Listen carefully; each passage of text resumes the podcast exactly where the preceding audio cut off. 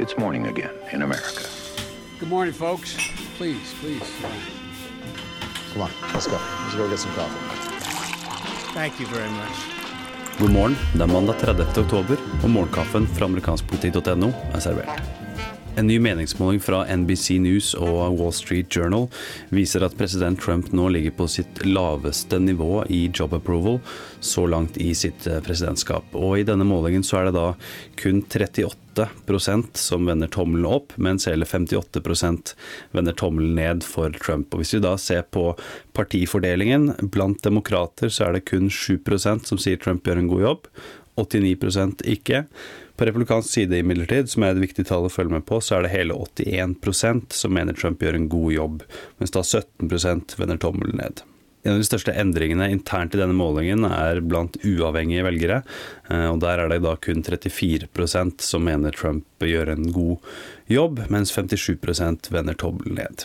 Eh, og det her er da det dårligste eh, resultatet i denne målingen i Trumps tid som president. Og hvis vi ser på gjennomsnittet av alle job approval-målingene, så ligger Trump nå kun på 37,3% i approval. Og det er da det laveste nivået Eh, på en presidents dag nummer 283. Eh, så lenge slike målinger har blitt eh, gjennomført, så er det ingen som har ligget lavere på disse målingene enn det Donald Trump nå gjør. Fredag meldte CNN, noe som raskt ble bekreftet av både Reuters og Wall Street Journal, at en føderal storjury i Washington, ledet av spesialetterforsker Robert Mueller, skal ha godkjent de første siktelsene i Russland-etterforskningen. Eh, Det er da en etterforskning som har sett på de potensielle båndene mellom Trump-kampanjen og Russland, og på Russlands innblanding i fjorårets eh, presidentvalg. Og Siktelsen er til nå hemmeligholdt, men vi skal få vite mer om det her i løpet av dagen i dag. CNNs rapportering ser ut til å ha inspirert eh, president Trump, som søndag sendte ut en rekke twittermeldinger eh, som kan oppsummeres med at han eh, peker på Hillary Clinton og får sine støttespillere til å fokusere på henne og såkalte skandaler på den siden.